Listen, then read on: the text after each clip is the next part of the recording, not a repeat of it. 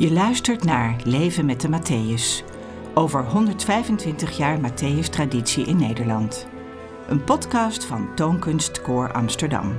En toen heb ik op een gegeven moment eh, de stoute schoenen aangetrokken en heb ik een bewerking gemaakt van de Matthäus Passion voor een klein ensemble. Instrumentaal, een krappe anderhalf uur, geknipt en geschoren sta je weer buiten. Nergens ter wereld wordt de Matthäus Passie zo vaak uitgevoerd als in Nederland. Het werk is viral gegaan in een tijd van dramatische ontkerkelijking. De start van deze virale besmetting vond plaats op 8 april 1899. De dag waarop Willem Mengelberg de traditie van een jaarlijkse uitvoering startte door Toonkunstkoor Amsterdam met het Concertgebouworkest in het Concertgebouw. Nu, 125 jaar later, proberen wij iets te ontrafelen van dit grote geheim. Waarom is het werk zo geliefd? Waarom zijn er zoveel die intensief leven met de Matthäus? We spreken met uitvoerenden, de mensen achter de schermen, maar ook met u, ons publiek. Tussendoor luisteren we naar fragmenten van uitvoeringen van de Matthäus door Toonkunstkoor Amsterdam, nog steeds jaarlijks op Goede Vrijdag te beluisteren in het Concertgebouw.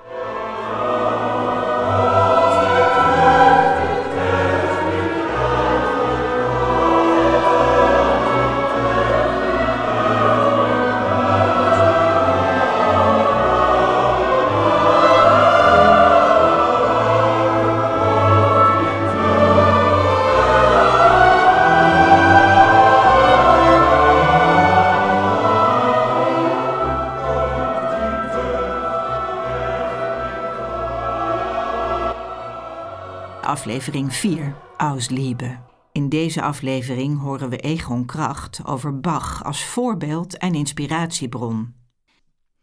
En ook in de tweede helft van deze aflevering speciale aandacht voor de muziek. Welke muziek uit de Matthäus is het meest geliefd?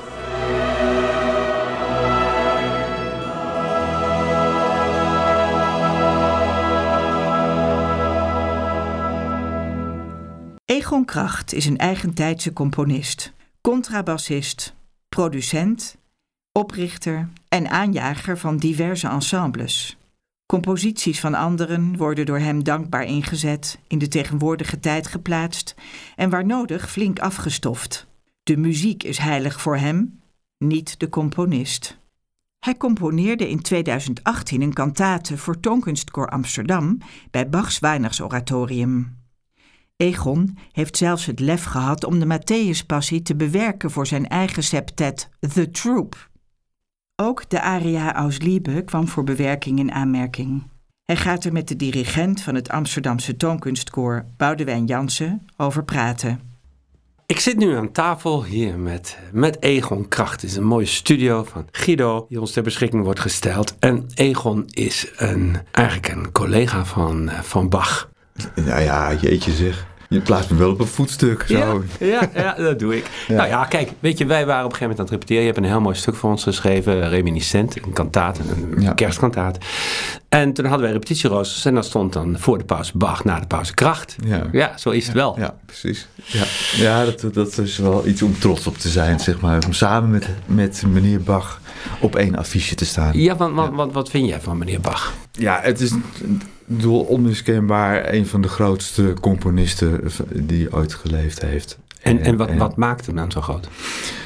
Dan gaat het toch over polyfonie en contrapunt. Dat is misschien allemaal wat, wat technisch. Maar daar was hij gewoon echt een meester in. Ja. En dat is onovertroffen bijna. En dat is iets waar, waar ik iedere dag weer van leer. Ja. Je ontdekt iedere keer wel weer iets nieuws. En als we het dan hebben over de Matthäus Passion, want dan zitten we hier toch eigenlijk ook voor. Zo is het. Ja, dan is het zo'n zo'n mooi groot meesterwerk. En alles zit erin en het verveelt nooit. En ik kan het wel drie keer op een dag achter elkaar luisteren.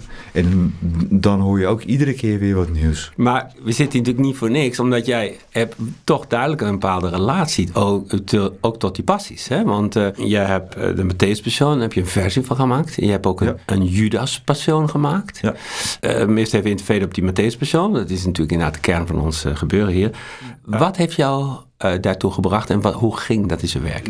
In ieder geval de Matthäus Passion is de, zeg maar de eerste in rij. Het komt eigenlijk in eerste instantie hierdoor dat ik... Ik hou heel erg van verhalende muziekvoorstellingen. Mhm. Ik ben opgegroeid met jazzmuziek. Ik heb uh, jazzmuziek gestudeerd. Even heel kort door de bocht, heel plat gezegd. Daar worden dan heel veel jazzstandards gespeeld. Themaatje, uh, dan gaat iedereen uh, zijn eigen zegje daarover doen. Aan het einde van het stuk gaan we dat thema nog een keer horen. En dan is het afgelopen. en dan sta je als bassist ook nog een keer lopende bassen te spelen. En in, in schema's en ja. ja. variaties. Nou, ik kwam er niet meer op. Uh, dus ik zocht, ik zocht verder en ik, ik had er genoeg van. En toen heb ik gewoon op een gegeven moment een knoop doorgehakt. Dat, dat gaan we niet meer doen. Maar we gaan nu meer theatraal uh, te werk.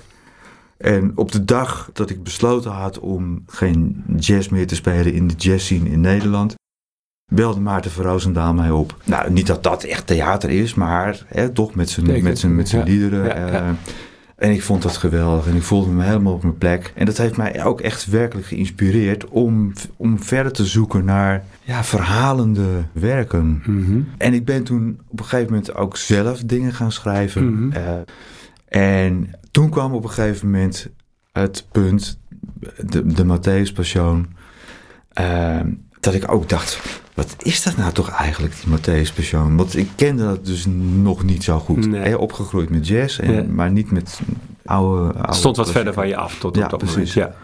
Maar ik had wel in de gaten dat heel veel mensen daar iedere keer weer heen gingen. Ja. Ja. Jaar in, jaar Ja. uit. In een koude kerk op, op houten bank gaan zitten, drieënhalf Ja. uur lang. Ja.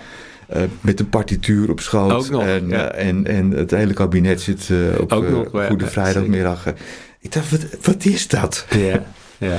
En heb je het ontdekt? En toen ben ik daarna gaan luisteren en toen ben ik eens gaan kijken. En, en toen, ja, dat vond ik meestelijk. Toen ging er dus ook weer een wereld voor mij open. Ja. En toen heb ik op een gegeven moment eh, de stoute schoenen aangetrokken en heb ik een bewerking gemaakt van de Matthäus Passion voor een klein ensemble, instrumentaal, een krappe anderhalf uur, geknipt en geschoren sta je weer buiten. En heeft dat Ja, een verhaallijn?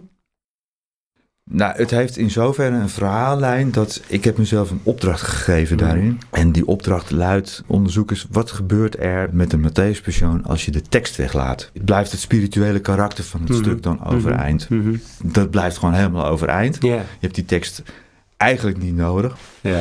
Eh, interessant dat jij dan op een gegeven moment zegt: Oké, haal die tekst eruit. Dan heb je dus die, eh, die muziek en je hebt natuurlijk stukjes gekozen, hè? bepaalde cru- cruciale momenten gekozen. Ja, bloemlezing. bloemlezing, ja. Ja. Wat, wat is dan het geheim wat van nog van Bach is en wat is dan van jou? Nou, mijn rol eh, was dat ik de, de muziek eh, of de kern blootleg. Hè, dus ik haal, haal gewoon hoofdmelodieën haal ik Mhm. eruit en ik, ik gooi ook heel veel weg. Ehm. Hey, en, en bijvoorbeeld eh, de aria Aus Liebe heb jij, Ja. heb jij bewerkt, hè? Ja. Je zou kunnen zeggen, dan is de kerngedachte vermoedelijk liefde geweest. Of is het ingewikkelder dan dat? Het is een beetje, beetje bizar eigenlijk. Want ik had dus in eerste instantie die bewerking gemaakt. Ik had dus keuzes gemaakt van nou, dat stuk wel, dat stuk niet. En Aus Liebe zat er aanvankelijk niet eens in. Oké. En dat kwam omdat, kom, daar kom ik dan eigenlijk pas later achter, van dat, juist dat stukje zit zo hermetisch mooi in elkaar. Ja. Daar, daar kon ik gewoon niks mee. Ja, het enige wat ik kan doen is dat gewoon vertalen naar de Ja. bezetting van het, van het Mhm. ensemble. Mhm. Ehm, dus ik heb dat na, nadat we er twee, drie jaar hebben gespeeld, heb ik Aus Liebe toegevoegd. Ja. Omdat ik daar gewoon heel veel commentaar op krijg. ja. En maar niet vanuit jezelf. Weet je, ik vind het helemaal niet zo leuk eh, om gewoon iedere keer hetzelfde te doen. Nee, dat snap ik. Er moet gewoon variatie Ja. in komen. En dan doe ik weer eens dat en dan doe ik weer eens zus. En dan, en dan gaat Angelo mee en Ja. dan gaat eh, Ruben mee. En dan, Weet je, ja, zo, Ja, zo, ja. zo speel ik daar een beetje mee. Ja, ja, nou ja, ik ken het. Maar ondertussen wel, want ik bedoel, het is niet dat ik daar heel makkelijk over denk. Mhm. We blijven wel bij een soort van basis, een Mhm. soort van kern, Mhm. die wel eer doet aan Bach. Kijk, mensen, mensen zeggen wel eens, eh, de vakmuziek, de muziek onder elkaar zeggen wel eens van, eh, de meeste muziek geloven niet eh, in God, maar ze geloven allemaal in Bach. En Mauricio Kagel heeft ook een uh, Sankt Bach Passion geschreven. Hè? Ja. Dus dat je gewoon de notentekst eigenlijk, dat is het, datgene wat jou het meeste aantrekt. Dus niet zozeer het verhaal, niet zozeer de tekst. Het is gewoon de notentekst. Ja, dat, dat klopt natuurlijk helemaal. Ja. Ja. Dus dat is voor jou eigenlijk wel het alle, daar zit eigenlijk alle, alle emotie al in, in de noten. Ja, ik denk het wel, ja. Ja, ik, ik kijk, je hebt natuurlijk de, de, de evangelisten uh, stukken. Ja. Ik stip dat één keer aan. Het is ook een soort geintje, ja. zeg maar. Gewoon ja. eventjes. Ja. Dus ook, ook instrumentaal. Precies. Ja. et cetera. En dan laten we dat verder. Ja. En dat is ook een beetje met de koralen aan de hand. Ja. He, die, dat, ik vind dat eigenlijk een eindeloze herhaling van zetten. Ja. En ik weet ook wel dat het niet zo is, maar, maar gewoon eventjes even, even denkend in, Mhm. in, nou ja, misschien ook echt wel muzikaal-theatrale uh, vormen. Mhm, mhm. Uh, En denk jij dat in de Matthäus de emotionele rijkwijde van dat stuk, dat is iets wat jou aangetrokken heeft? Hè? Kan, je, kan je eens noemen wat voor, voor soort emoties tref je daar aan en heb jij ook geprobeerd te, verklink, te verklanken? Maar bijvoorbeeld bloed, bij Bloed en Noer ja. heb, je dan, heb je dan een affect, zo bekijken ze in de barok denken ze in affect. Ja. Dus, dus bijvoorbeeld in het feit dat het gewetensverroeging is of, ge, uh, of uh, hè, dat het uh, medelijden is. Ja. Of dat, soort, dat soort gevoelens. Denk, denk jij in dat soort termen? ik, ik voel in dat soort termen. Ja. En, en uh, zo ga ik ook behoorlijk intuïtief eigenlijk zo'n bewerking in. Mm-hmm. Ik zal er niet voor terugdeinzen om dat nog even extra aan te zetten. Dus Bloed en Noer bijvoorbeeld ja. is ja. langzaam.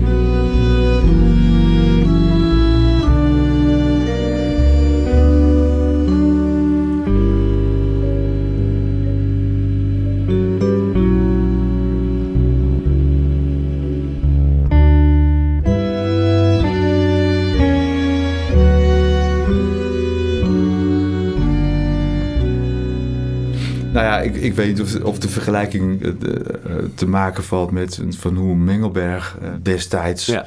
zijn, wel, ja. zijn interpretatie. Nou, dat, dat, dat is iets van de afgelopen jaren dat het steeds meer naar boven komt. Ik ben daar, ja, ik voel, ik voel me daar veel meer mee verwant dan, dan het lichte, snelle. Dat, ik, dat is me gewoon echt te licht. Ik bedoel, Ja. dan, dan, dan voel ik het ook niet meer. Nee, nee, nee, precies. Het is altijd best, best, best mysterieus hoe jij als bassist is toch inderdaad een soort sturende, stuwende kracht bent van onderuit in zo'n ensemble. Hè? Mhm. En dat is ook iets wat in de barokmuziek natuurlijk heel erg zit met het basso continuo. Ja. En dat de bas eigenlijk ook altijd de meest belangrijke partij is. Mhm. Zou dat ook nog te maken hebben dat jij aansluiting vindt bij Bach? Dat het een soort denken is? Dat zou zomaar eens kunnen. Ja. En dat. Kijk, ik bedoel, als bassist in de jazzmuziek, de, dan, dan, je, je hebt een akkoordenschema Ja. en daar moet je het mee doen. Ja. En daarbij begeleid je dan de, Ja. de, de improvisator. Eh, ik zei net al, van, ja, op een gegeven moment had ik er, had ik er genoeg van, want ik, ik vond die, die variatie ook niet meer. Mhm. Maar als je, als je dat gegeven nou zou loslaten op Bach, ja, het is zo rijk en zo hè, vindingrijk, Mhm. creatief. Mhm. En het gaat altijd een andere kant op. En, Ja. eh, Ja. ehm, Dat is ook wel iets wat je in je eigen werken ook doet. Hè? Bijvoorbeeld in de kantaten van jou. Dat je dus eh, inderdaad dat op voorkomen... In één keer wijk je uit. Dan denken we dat we in deze toonsoort zitten. En dan hup, daar ga je. Ja. En dat, dat herken ik ook bij Bach. En dan... eh, het komt uiteindelijk wel weer terug. Maar het is dan toch iedere keer even, even verrassend.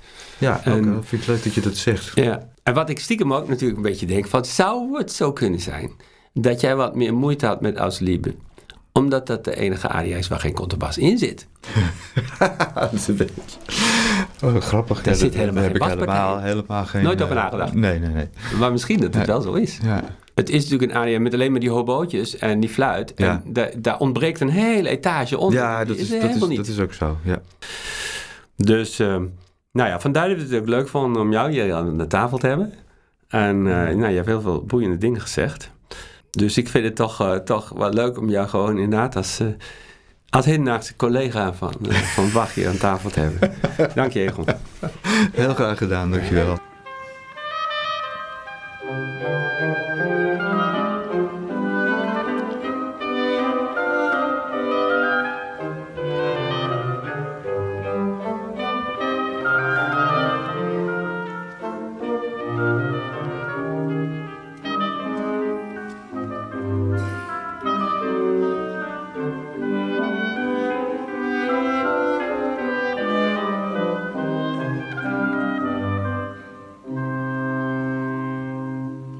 Deze aflevering vragen we onze vaste gasten naar hun liefde voor de muziek in de Matthäus. Welk deel ligt hen het meest na aan het hart? Koorlid Saskia is meteen bij de start van het stuk al onder de indruk. Ja, ik vind altijd toch het, ja, het openingskoor vind ik heel erg mooi. Maar ik zing in koor 2 en dan mogen we, moeten we heel erg lang wachten. maar als we dan als koor 2 invallen, dan wordt het zo mooi en vol. En uh, ja, dan, dan ben, zit ik er meteen helemaal in. Ja.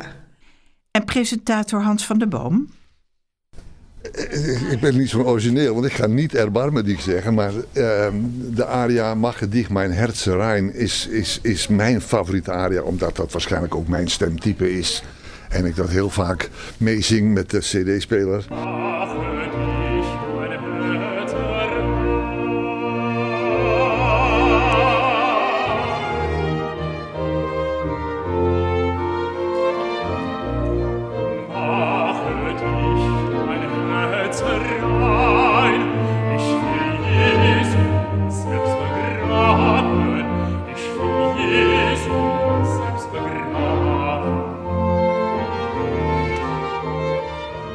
Ineke Kluft, hoofdafdeling klantcontact en verkoop van het concertgebouw, wordt juist geroerd aan het eind van het stuk.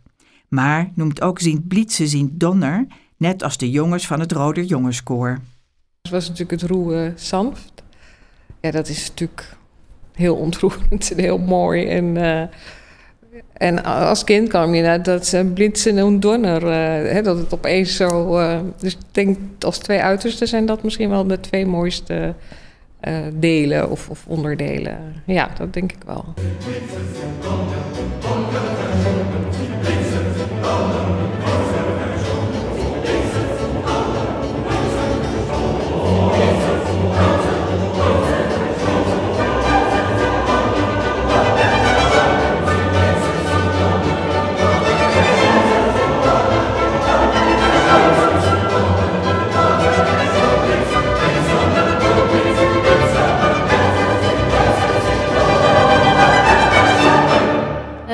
Ben Nishan.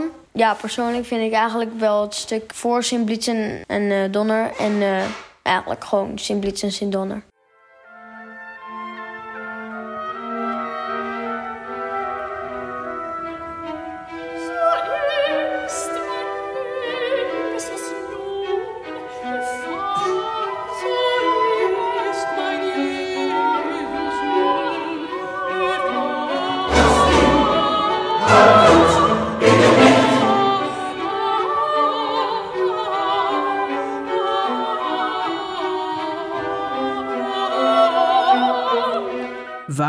Heeft ook een geheel eigen voorkeur.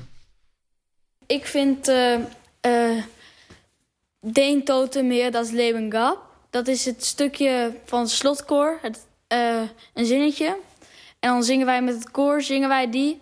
En die is heel hoog. En dan komen wij helemaal boven het, het hele koor uit, zeg maar. Dus dat vind ik wel echt een heel mooi stuk. En dan hoor je ook allemaal mensen daarna die echt kippenvel hebben tijdens die tijdens dat, zeg maar. En uh, ja, dat vind ik wel uh, mooi om te horen.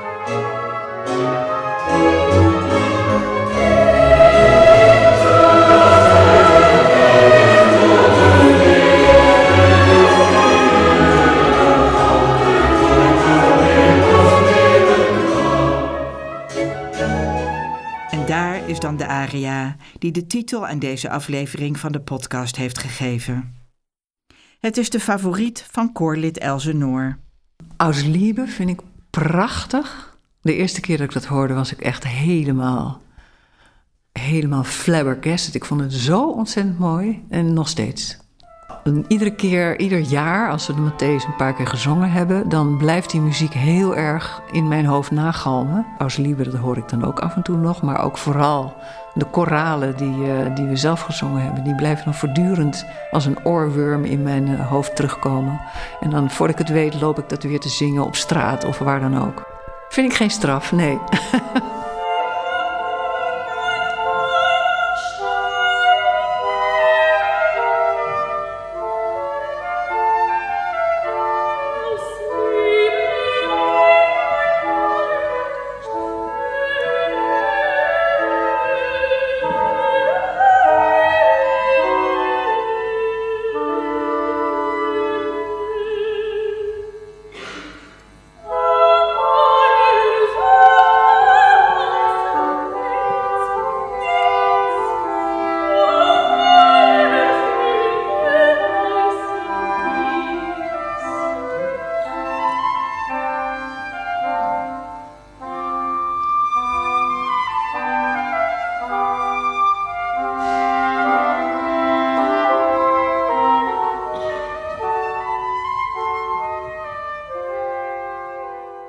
We denken op dit punt allemaal: waar blijft erbarmen dicht nou?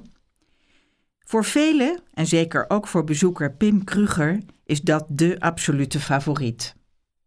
Wat ik prachtig vind, hoe de, de verteller dan zingt van Petrus nadat de haan gekraaid had, dat hij naar buiten ging en er weinte bitterlich. En daarna begint erbarme dich. Nou, dat, uh, ik raak daar emotioneel van. Vind ik schitterend.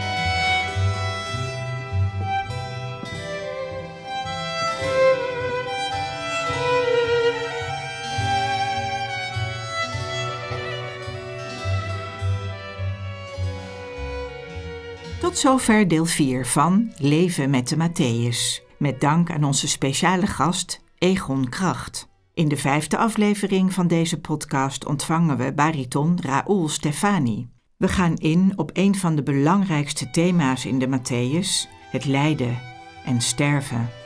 Volgende keer te beluisteren in Leven met de Matthäus over 125 jaar Matthäus-traditie in Nederland een podcast van Toonkunstkoor Amsterdam.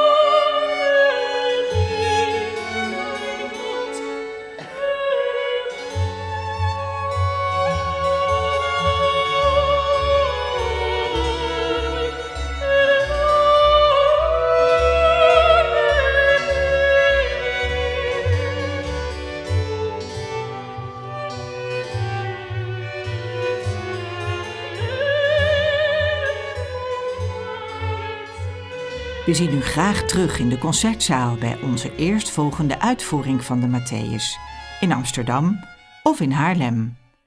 Of bij een van onze vele andere concerten.